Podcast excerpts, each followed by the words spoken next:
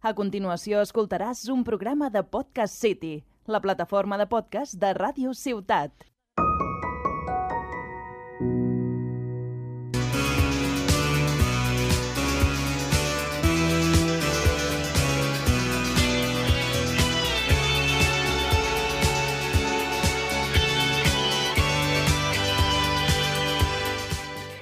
Benvinguts a un nou episodi del podcast Parlem del Nàstic. Avui parlarem del partit contra el Betis Deportivo, farem la prèvia pel, pel pròxim partit davant el Real Madrid-Castilla i comentarem els últims moments del mercat de fitxatges d'hivern. El Nàstic de Tarragona per fi guanya fora a casa davant el filial verd i blanc en un partit en què el conjunt grana va saber competir, lluitar i marcar gols.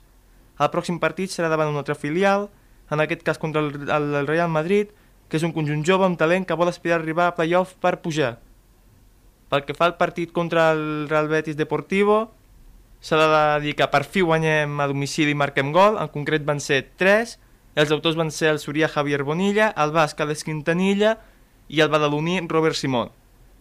I començant per un ordre cronològic, és a dir, començarem per l'alineació, per fi el tècnic aragonès, Raúl Agné, li posa coherència a un 11 titular, amb Manu García de porter, Quintanilla Martrilles de defensa centrals, a lateral esquerra el veterà Joan Oriol i pel carril dret el senyor Pol Domingo Ciuraneta. La línia de mig del camp va estar composada per Nil Jiménez, Elías Pérez i Pedro del Campo i l'incombustible Robert Simón i la parella davanters van ser Pablo Fernández i Frank Carbia. A la primera part, Nil Jiménez va sentir molèsties a la, a la cama i va ser retirat i lesionat i el seu lloc el va ocupar el Surià Javi Monilla, que finalment aquest canvi va donar fruit, ja que el Surià va ser un revulsiu i va ser una peça clau al partit, marcant el primer gol, de, marcant el primer gol del partit, que va ser de cap, a centre de Robert Simón. El tercer gol de Robert Simón, també en aquest cas, ve d'un tir al pal de Javi Bonilla de falta, i el segon gol va arribar 3 minuts després del primer, obra de defensa basc Quintanilla. I s'ha de dir que quin partit del lateral dret, Pol Domingo, Pol Domingo Sigraneta ha de ser titular sí o sí. Des, i si recupera el barran de la legió, que s'acabarà recuperant, que n'està tenint moltes aquest any, Pol Domingo ha de ser titular. El Barran és millor ofensivament?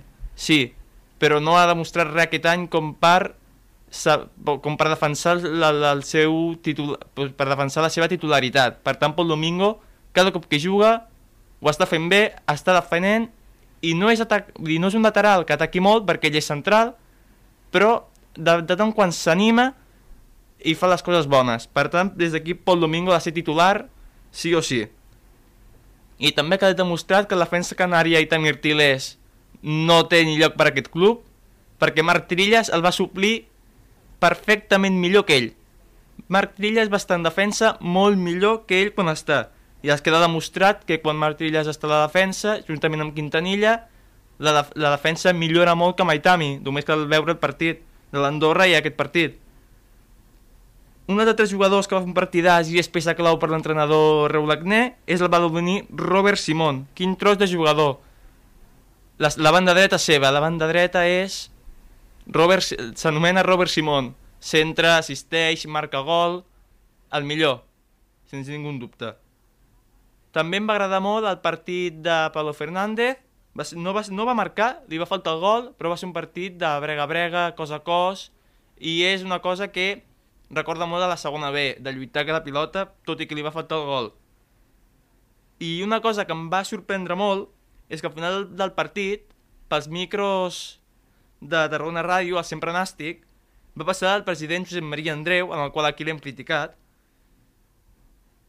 però és molt estrany que surti quan guanyem, i quan guanyem fàcils i còmodes, quan no surti quan estem perdent. S'ha de donar una mica la cara també quan perds, no només quan guanyes. Els titulars ja els comentarem més endavant, sobre, perquè va dir titulars sobre fitxatges, que com he dit abans ja ho començarem més endarrere. També s'ha de dir que el Betis era l'últim, era el QE, era, és el pitjor local, i que no... Sí, és per agafar confiança aquesta victòria, però tampoc és per dir s'ha de demostrar al pròxim partit contra el Real Madrid-Castilla si, aquest, si aquesta victòria realment és un punt d'inflexió o no. Perquè era l'últim i van cometre, es, es notava molt que era l'últim perquè van cometre moltes errades en defensa, en marcatge, ofensivament les que van tindre no van marcar ni una, i s'ha de demostrar el pròxim partit, com he, de, com he dit, davant el Real Madrid-Castilla, i en un partit entrenat per Raúl González Blanco, eh, Raúl González Blanco, que és l'exjugador madridista, i el venen d'empatar 2-2 davant el Barça B en el miniclàssic, amb dos gols de la tassa, que és un, que, com he dit abans, és un equip molt jove, amb el Dominica Peter, Òscar Aranda, que ens va marcar dos gols de la primera volta, i recordem que la primera volta el Real Madrid-Castilla ens va guanyar 2 a 1, el gol del Nàstic el va fer el Surià Javi Bonilla de gol olímpic, amb una mica de... Els madridistes deien que no era gol, però s'ha de dir que la pilota, des d'aquí, jo crec que havia entrat. I els dos gols madridistes a la primera volta ens va fer Òscar Aranda, que és un juvenil que ha pujat aquest any al primer, al, al primer vull dir, al filial del Real Madrid-Castilla, i amb jugadors joves, en gran joc, amb un entrenador amb gran potencial, i el partit serà diumenge a les 12, finalment, perquè la Real Federació Espanyola de Futbol ha tornat a canviar un nou horari. A l'acabar la primera volta ens van penjar els horaris de la segona volta, però d'aquests 20 partits ens en canviaran 18. Per tant, jo crec que no es podem fiar d'aquests horaris perquè els acabaran canviant, com, han, com han fet, faran i estan fent. Per tant, el partit serà diumenge a les 12. Té gran... Hem de guanyar per seguir augmentant la confiança dels jugadors i demostrar que la victòria del Betis, com he dit abans, realment és i serà un punt d'inflexió. Perquè, com van dir Ribelles en postpartits, que en Pic marca el primer gol fora a casa i guanyem, la cosa sortirà i anirà millor. Per tant, s'ha de demostrar el que esteu dient i, i, es, i es demostra guanyant. Per mi l'11 inicial seria porter Manu García, Joan Oriol, Quintanilla, Trilles i Pol Domingo, la, i Pol Domingo defenses, s'han de quedar sempre. Per mi ara, al mig del camp, Pedro del Campo, que va ser el jugador que va recórrer més quilòmetres del partit contra el Betis, Ribelles, Robert Simón i Bonilla. Nil està tocat, està mig ajornat, per tant jo no arriscaria a ficar-lo. Robert Simón titularíssim. Elias Pérez... El dolent d'Elias és que cada partit té pinta que és com un Ribelles, que li trauran targeta. Per tant, Pedro del Campo també és un titular indiscutible, i a dalt ficaria a Dani Romera, que al partit contra el Betis no el va jugar perquè estava mig tocat i Raúl Agné va considerar no ficar-lo. Mm, per tant, des d'aquí jo crec que és correcte. I després pot estar acompanyat per Pablo Fernández, que va fer un bon partit però a Pablo Fernández li falten gols, o un Juan Camilo Becerra, que és un nou fitxatge, també que ve de la al igual que Dani Romera. I jo crec que, bueno, poden...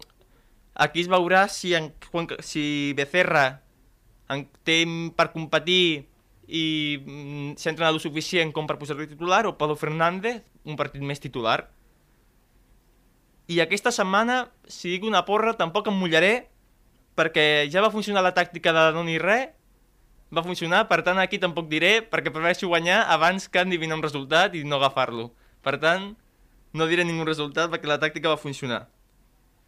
Pel que fa al mercat de fitxatges, ja s'ha acabat recentment, el 31 de gener, i el president en roda de premsa, com he dit abans, que només, surt quan guanyem, va dir que Pol Prats rescindia contracte i s'anava al Huesca B, el davanter Pedro Martín se'n va cedit a un altre, davant, a un altre equip de la categoria, l'Atlético Sanluqueño.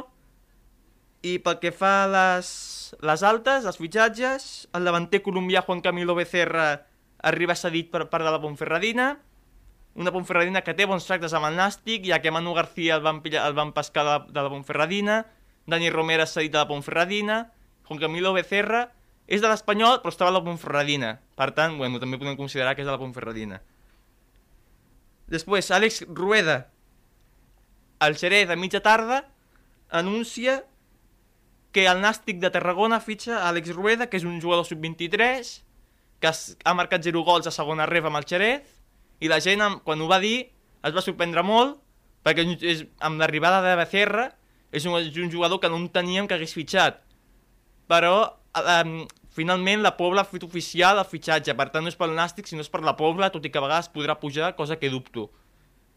I pel que fa a una última baixa, és d'un jugador de la Pobla Mafumet, però que va jugar per temporada amb el primer equip, Òscar Romero, que és una de les grans promeses que tenia el Nàstic, però la gent diu que és de la cantera i no és de la cantera, va jugar al juvenil, però el juvenil el va fitxar de l'Europa. Per tant, no és de la cantera, tot i que és un jugador que se'l considerava de la cantera perquè és un gran fitxatge per part de l'Espanyol B que l'ha fet. Vull dir, és un jugador que no estava tenint continuïtat a la Pobla perquè no jugava, no, no li agrada convèncer el tècnic, però hi s'ha anat a l'Espanyol B, vull dir, s'ha anat a un filial que sap que en un qualsevol moment podrà pujar al primer equip entrenat per Vicente Moreno. I per acabar, un jugador grana, com David Rocha, es retira, ho ha, ho ha fet oficial i se'n va al cos tècnic del Mèrida, que és el seu últim equip on va jugar, ell és extremeny, i, i, i, pues, com fan molts jugadors, van al, diguéssim, a la, al cos tècnic d'un equip. I des d'aquí, doncs bueno, gràcies per el que ens has fet donar el Nàstic, vas tindre dues etapes, la primera bona, la segona no tan bona, i, ens va, i a més la primera va ser marcant el segon gol de l'ascens contra l'Osca, i des d'aquí, pues, enhorabona per la carrera que has fet i pel gol i tan important que ens vas donar. I gràcies fins aquí tot i gràcies per escoltar-nos aquí al podcast Parlem del Nàstic.